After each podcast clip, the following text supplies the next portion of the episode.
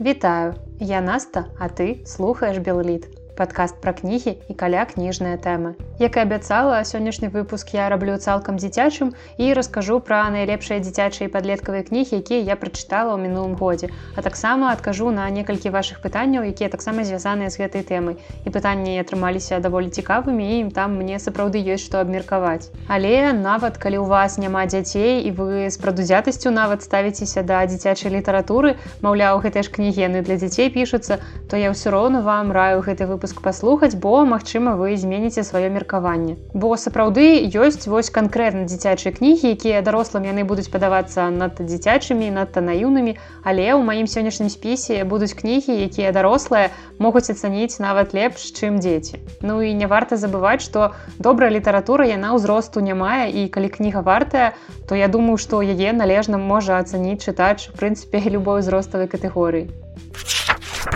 У мінулым годзе я прачытала ўсяго толькі 25 дзіцячых і падлеткавых кніг, але амаль усе з іх былі цудоўнымі і таму дзясятка найлепшых у мяне склалася абсалютна без праблем. І я пачну з кнігі для самых маленькіх і гэта кніжка карцінка сама макбратні знаеш как я тебя люблю. У ёй усяго толькі 32 старонкі я чытала пераклад, які выйшаў у расійскім выдавестве розавы жыраф. І гэта караценькая, але неверагодна кранальная гісторыя адной сям'і зайцаў. І на старонках гэтай кнігі вельмі вельмі шмат любові пяшчоты. І там пра тое як маці малое зайчыня расказваюць што яны адчуваюць у дачыненні адзін да аднаго і там пачынаецца такое што я люблю цябе больш не я люблю цябе больш а я тебе на шырыню рук а я тебе як ад мяне да таго дрэва і вось калі вы чулі выраз я люблю тебя да луны і абратна то ён менавіта з гэтай кнігі і гэта выдатная кніга для спакойнага сямейнага чытання самымі маленькімі калі вы будете чытаць кнігу вашаму дзіцяці а яшчэ ў гэтай кнізе просто неверагодныя ілюстрацыі якія зрабіла аніта джерам і дарэчы узроставае абмежаванне гэтай кнігі пазначана як 0 плюс. І ў канцы выпуска вы зразумееце навошта я буду згадваць гэтыя ўзроставыя абмежаванні у аповедзі пра кожную кнігу А наступную кнігу дзеці ўжо змогуць чытаць самі і гэта кот шпроты зніклы мышамабіль беларускай пісьменніцы і перакладчыцы Ханны Янкуты. І гэта ўжо другая гісторыя пра мінскага ката шпрота яна выйшла ў выдавестве Янушкевич. Там расказваецца пра ката шпрота, які сябруе з хлопчыкам алесем і жыве разам з ім з ягоным бацькам на завулку калініна. І гэты кот вельмі незвычайны, бо акрамя таго, што ён сябруе з людзьмі, з якімі ён жыве ўласна, ён яшчэ сябруе з прывідамі і дапамагае мышам разгадваць розныя загадкі кветкі. І вось гэтым разам мышка піп яна зрабіла чарцёж, паводле якога мышы змогуць пабудаваць сабе сапраўдны мышамабіль, які вынесены ў назву. І з гэтым мышамабілем яны па тэрыторыі батанічнага сада, дзе яны жывуць, яны змогуць вельмі хутка перасоўвацца.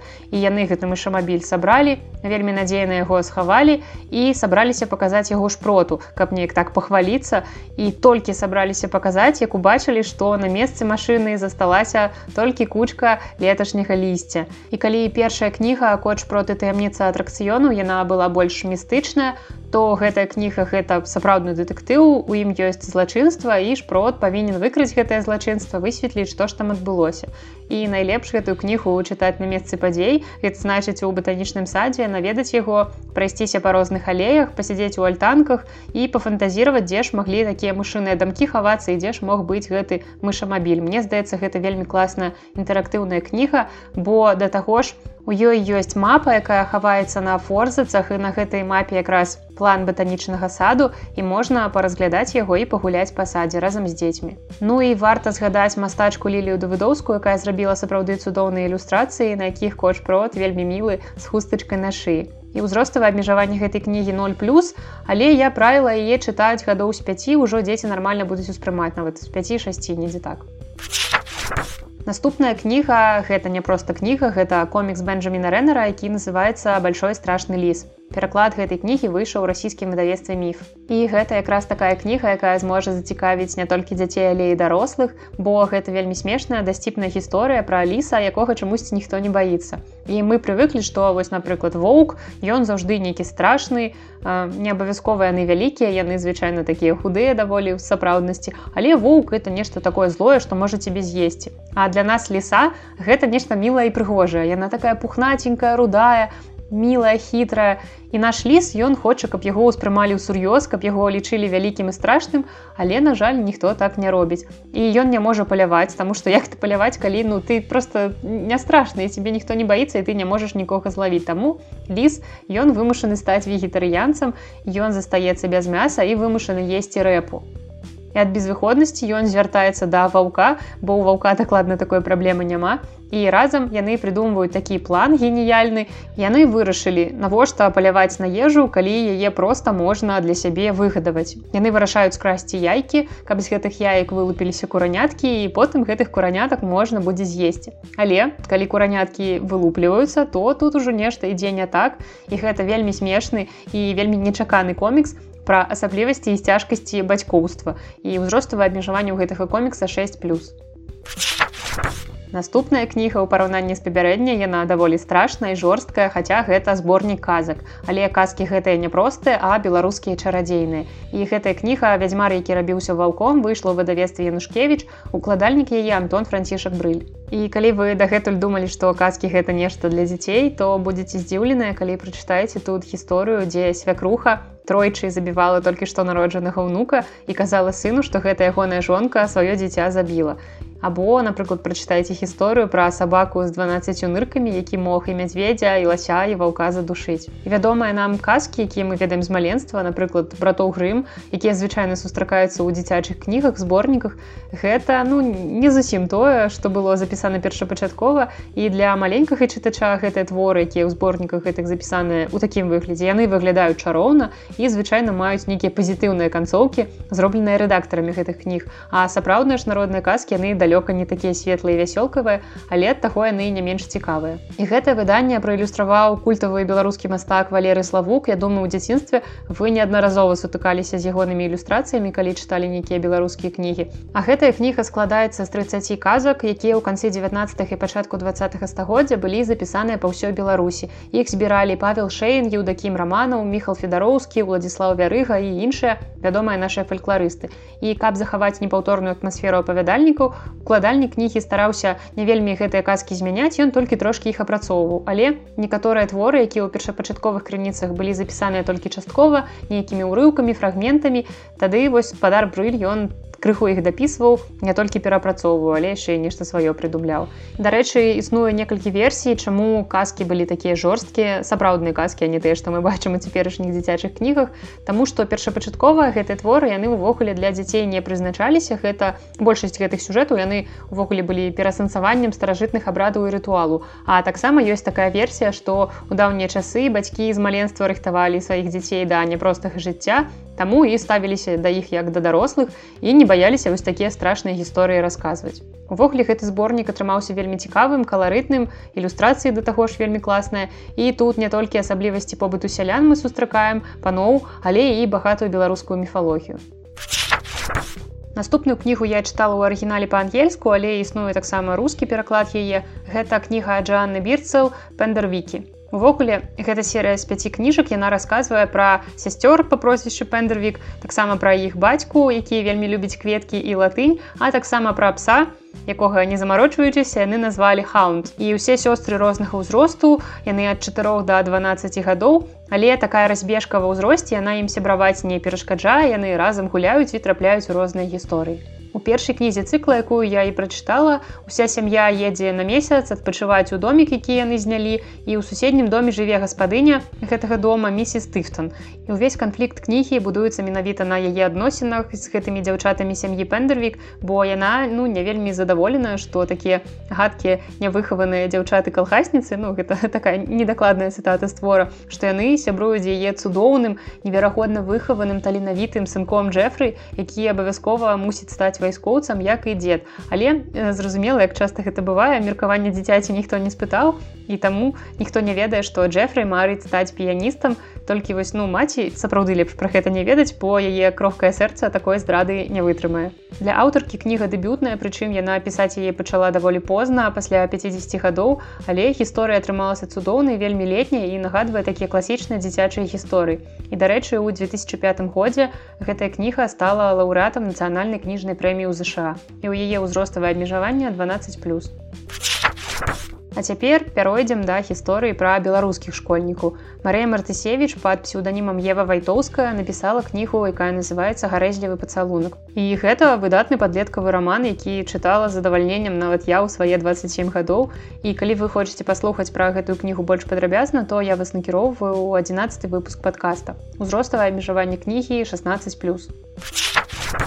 Наступны твор ён для вельмі цікаўных дзетак і гэта кніга торбана кульмана Эдисон тайна прапавшего сакровішча по-руску выйшла ў выдавецтве паляндрыя і гэта адна з кніг з серыі нямецкага аўтара ілюстратара у якую таксама ўваходзяць армстранг і лінберг а таксама хутка выйдзе эйнштейн. Узроставае абмежаванне 12 плюс але б я яе раіла чытаць гадоў з 5-6 бо кніга зусім не складаная. Там не так шмат тэксту больш ілюстрацыі і гэта гісторыя пра мышаня якое разам са старым прафесарам выпраўляецца шукаць скарб які схаваны на дне атлантычнага акіяна але для таго каб ім туды патрапіць на гэтае дно ім трэба нейкі вынайсці спецыяльны транспартны сродак які дазволіць апусціцца так глыбока. Ізноў жа гэта кніга якая атрымалася сапраўдным творам мастацтва дзякуючы ілюстрацыям якія зрабіў дарэчы сам аўтар. І ён вучыўся ў нямецкай мастацкай акадэміі і кніга я не памятаю толькі здаецца ці армстранг лінберг нейка з іх здаецца армстранг все ж таки яна была ягоным дыпломным праектам. І гэта атрымалася сапраўды цудоўна Я думаю што яму паставілі там найвышэйшы бал. а Наступная кніга трапляе ў намінацыю самая жывёла абарончая. Гэта павуцінка шарлоты Уайта. Я таксама е чытала ў арыгінале і гэты твор, які ўжо стаў сапраўды дзіцячай класікай. Кніга пачынаецца з даволі жыццёвых рэалій. Дзяўчынка Ферн не дае свайму бацьку забіць парсючка, які нарадзіўся трошкі не такім, як усе, ён занадта маленькі, такі нязграбны.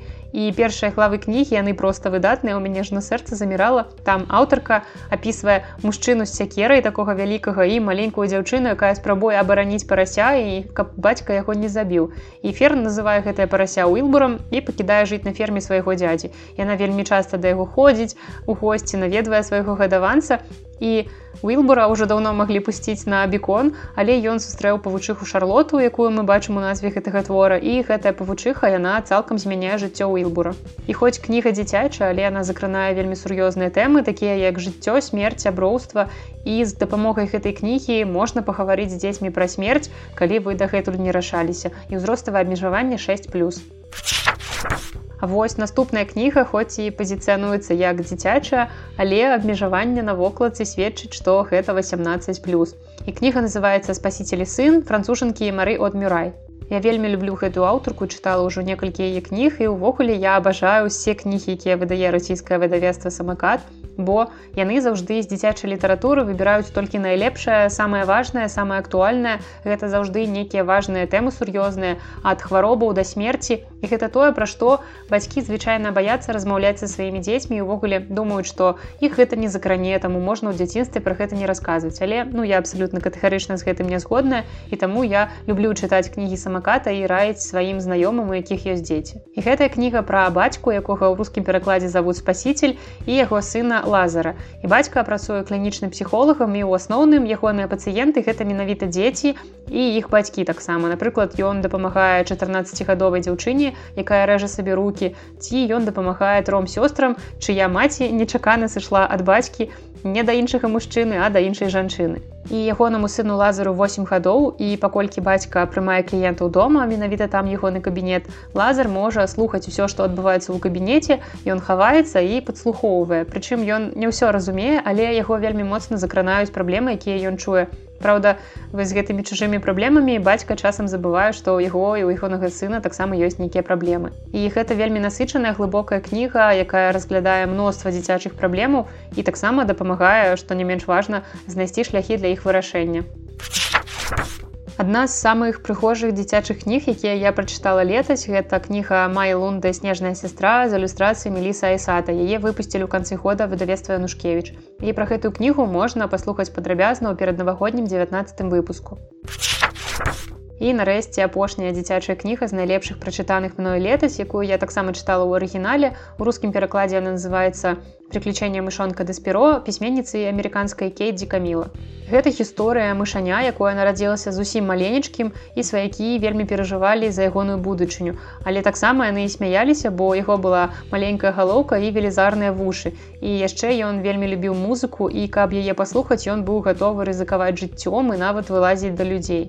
І гэтае мышаня даспіро яно сябе не абмяжоўвала у яго не было ніякіх забабонаў адносна таго як мышы мусяць сябе паводзіць у адносінах да людзей як яны павінны да іх ставіцца і тут сапраўды ўсё як у жыцці чым больш у тваёй галаве нейкіх выдуманых перашкодаў якія ты сам сабе прыдумаў тым больш вузкая твоя карціна свету і тым менш задавальнення нейкага ад жыцця ты атрымаеш А перад даспіроў перад ім быў адкрыты ўвесь свет ён быў гатовы яго спасцігаць але на жаль у ягоных суродзічаў былі іншыя планы яны былі не настолькі рамантычныя рызыкоўныя. І гэта вельмі рамантычная светлая казка пра тое што кожны з нас можа стаць рыцарам і для гэтага нам зусім не абавязкова мець даспехі ці зброю.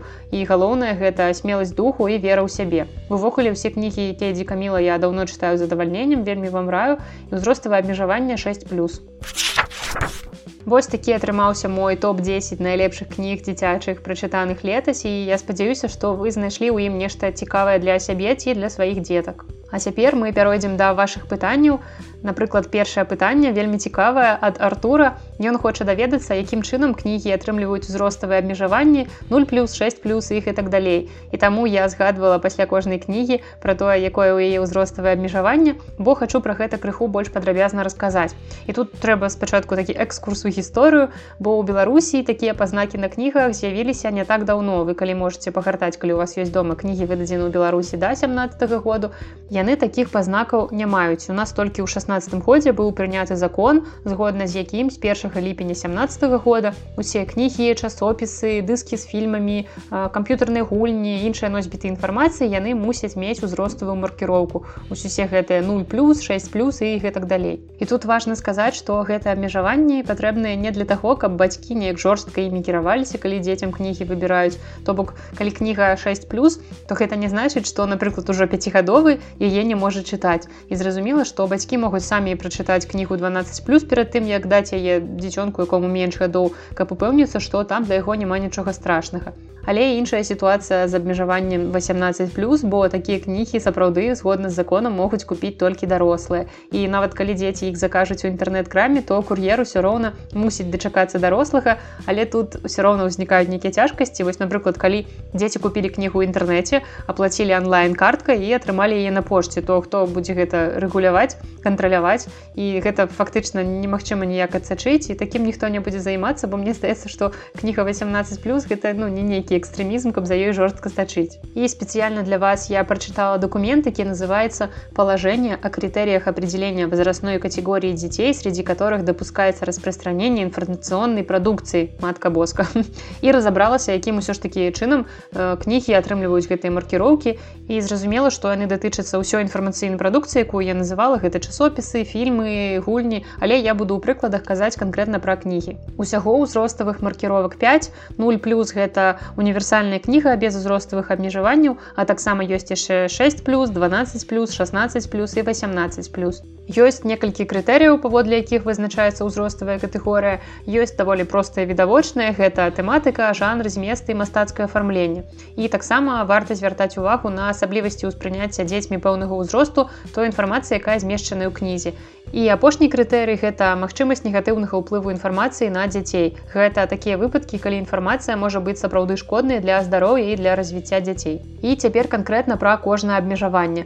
У кнігах 0 плюс можа быць эпізадычны ненутаралістычны паказ ці апісанне фізічнага ці псіхічнага гвалту акрамя сексуальных гвалту сексуальнай эксплуатацыі ці сексуальных адносін з удзелам дзяцей але ж такі паказ магчымы толькі пры ўмове што дабро ў выніку пераможа зло. Карацей мы можемм напісаць кнігу у якой парсючкі б'юць ваўка які знішчыў іхнія дамы. Але калі воўк знішчыць дамы і з'есць іхніх смачненькіх тлусценькіх гаспадароў і яму за гэта нічога не будзе то такая кніга 0 плюс ужо не атрымае У кнігах 6 плюс можа быць тое ж самае, што і ў 0 плюс, але яшчэ і эпізадычны паказ ці апісанне злачынстваў ці іншых грамадска небяспечных дзеянняў, напрыклад, прастытуцыя, папрашайніцтва, валацужніцтва, удзел у азартных гульнях, дзеянні звязаныя з вырабам і распаўсюдам парнаграфіі. Але гэта ўсё можа быць паказана толькі пры той умове, што адсутнічаюць элементы ўхвалення, гэта ўсё не апраўдваецца і яшчэ да таго ж і асуджаецца і таксама можа быць эпізадычны паказ ці апісанне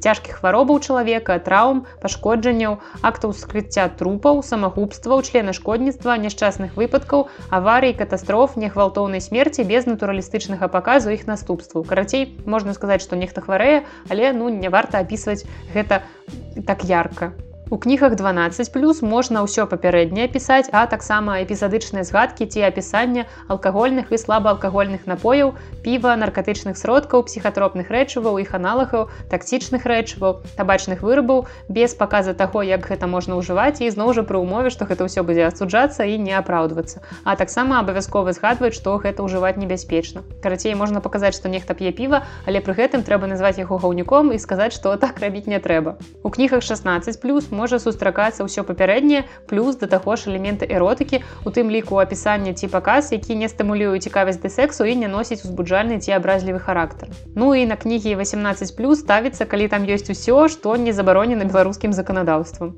Але куды ж без выключэнняў тут яны таксама ёсць.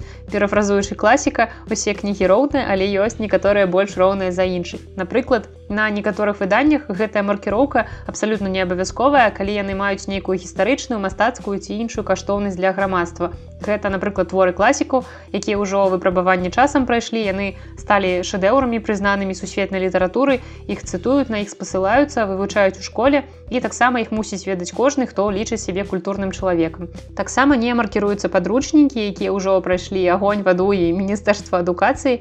І ім таксама не патрэбныя гэтае ўзроставае абмежаванне. Такім чынам купала не маркіруецца віця марцінович абавязкова павінен атрымаць узроставае абмежаванне Дарэчы, у Беларусі сітуацыя асабліва яшчэ і ў тым, што большасць кніг, на жаль, якія чытаюць жыхары нашай краіны, яны прыехалі з рассіі, а ў іх там нейкая свая сістэма ўзроставых абмежаванняў, хаця ў прынцыпе яна падобная да нашай.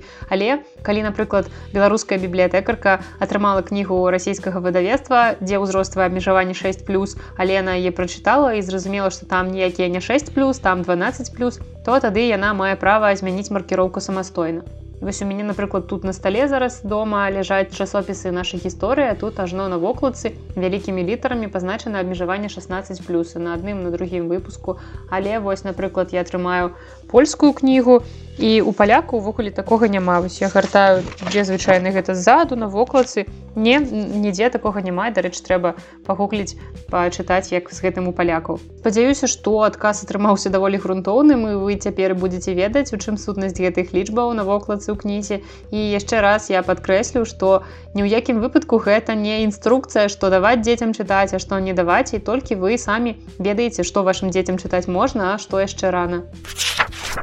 І яшчэ одно пытанне, на якое сёння паспею адказаць, яно прыйшло ад надзеі яно даволі грунтоўнае. Вельмі люблю беларускую мову і хацела б, каб мае дзеці таксама яе вывучылі. Лічу, што найлепшы спосаб вывучаць мову гэта чытаць на ёй кнігі. Да таго ж зараз цікавімся міфалогіяй розных краін і вельмі хацелі б пачытаць легенды і паданні менавіта нашай радзімы, якія б найбольш адлюстроўвалі погляды і побыт нашых продкаў. Спадзяюся, вы абавязкова маеце што тут параіць. І зразумела, першая кніга, якая мне прыходзіць да галавы ў гэтай сітуацыі, гэта, безумоўна, нарыс караткевіча, зямля пад белымі крыламі. І першапачаткова гэта было невялічкае эсэ, якое караткевіч напісаў, калі працаваў настаўнікам ва ўкраіне, бо ён хацеў пазнаёміць украінскіх школьнікаў з гісторыяй і культурай Беларусі. А потым гэта эсэ разраслося, павялічылася ў памерах і ўпершыню было выдадзенае ва ўкраіне па-украінску ў 1972 годзе. І толькі праз год кніга выйшла па-беларуску, прычым беларускае выданне трошки адрозніваецца бо ўжо для сваіх чытачоў караткевіч склаў больш грунтоўны тэкст там было больш інфармацыі пра Беларусь і крыху менш экскурсаў у гісторыю краіны. І праўда гісторыю гэтай кнізе ўсё ж такі больш чым міфаў але з ёй сапраўды варта пазнаёміцца кожнаму маленькаму беларусу. Таксама многім з нас дзяцінства вядомы зборнік бяздоннае багацце які выходзіў 90-е гады ў выдавецтве мастацкая літаратура і гэта можа ну не самая візуальна прыгожая кніга там няма ніякіх яркіх ілюстрацый але ў кнізе ёсць легенды і паданні якія ўзятыя за зборніку вядомых фальклорыстаў романова шейна сечпутоўскага ўжо некаторых я сёння згадвала у гаворцы пра кнігу вядзьмарыкі рабіўся ваўком і зразумела што тэксты тут адаптаваныя гэта не нейкія навуковыя артыкулы ці артыкулы з энцыклапедыі гэта сапраўды кніга якую можна чытаць і дзецям. І з цікавасцю я думаю што гэта выдатныя сямейныя чытанні А з нядаўніх кніг варта згадаць дзіцячы атлас беларусі. Легенды і паданні які выйшаў некалькі гадоў таму ў выдавецтве мастацкай літаратуры. І гэта даволі геаграфічна міфічная кніга можна так яе назваць. Бо ў ёй напрыклад тлумачыцца паходжанне назваў беларускіх гарадоў рэчак азёр і таксама сярод міфічных персонажаў якія нам з дзяцінства знаёмыя кшталту машэкі пра якога заўжды расказваюць у школе. Там ёсць і рэальныя гістарычныя асобы. Но калі вам хочацца чагосьці такога яркага візуальнага каб можна было глядзець і ўсё гэта візуалізаваць адразу то можна звярнуць увагу на кнігу чароўны свет з беларускіх міфаў паданняў і казак. Тут ілюстрацыі ўжо у вядомага нам валерыя славука пра якога мы сёння чулі і кніга расказвае і паказвае вядомых герояў беларускіх казак і міфу і я спадзяюся што сярод гэтага пералічанага хоць тут і не так шмат вы зможаце знайсці для сябе нешта цікавае. Спасылкі на ўсе кнігі вы знойдзеце ў апісанні да гэтага выпуска і там жа ўсе астатнія карысныя спасылкі. А на гэтым я развітваюся. З вами была наста і падкаст белліт да сустрэчы! у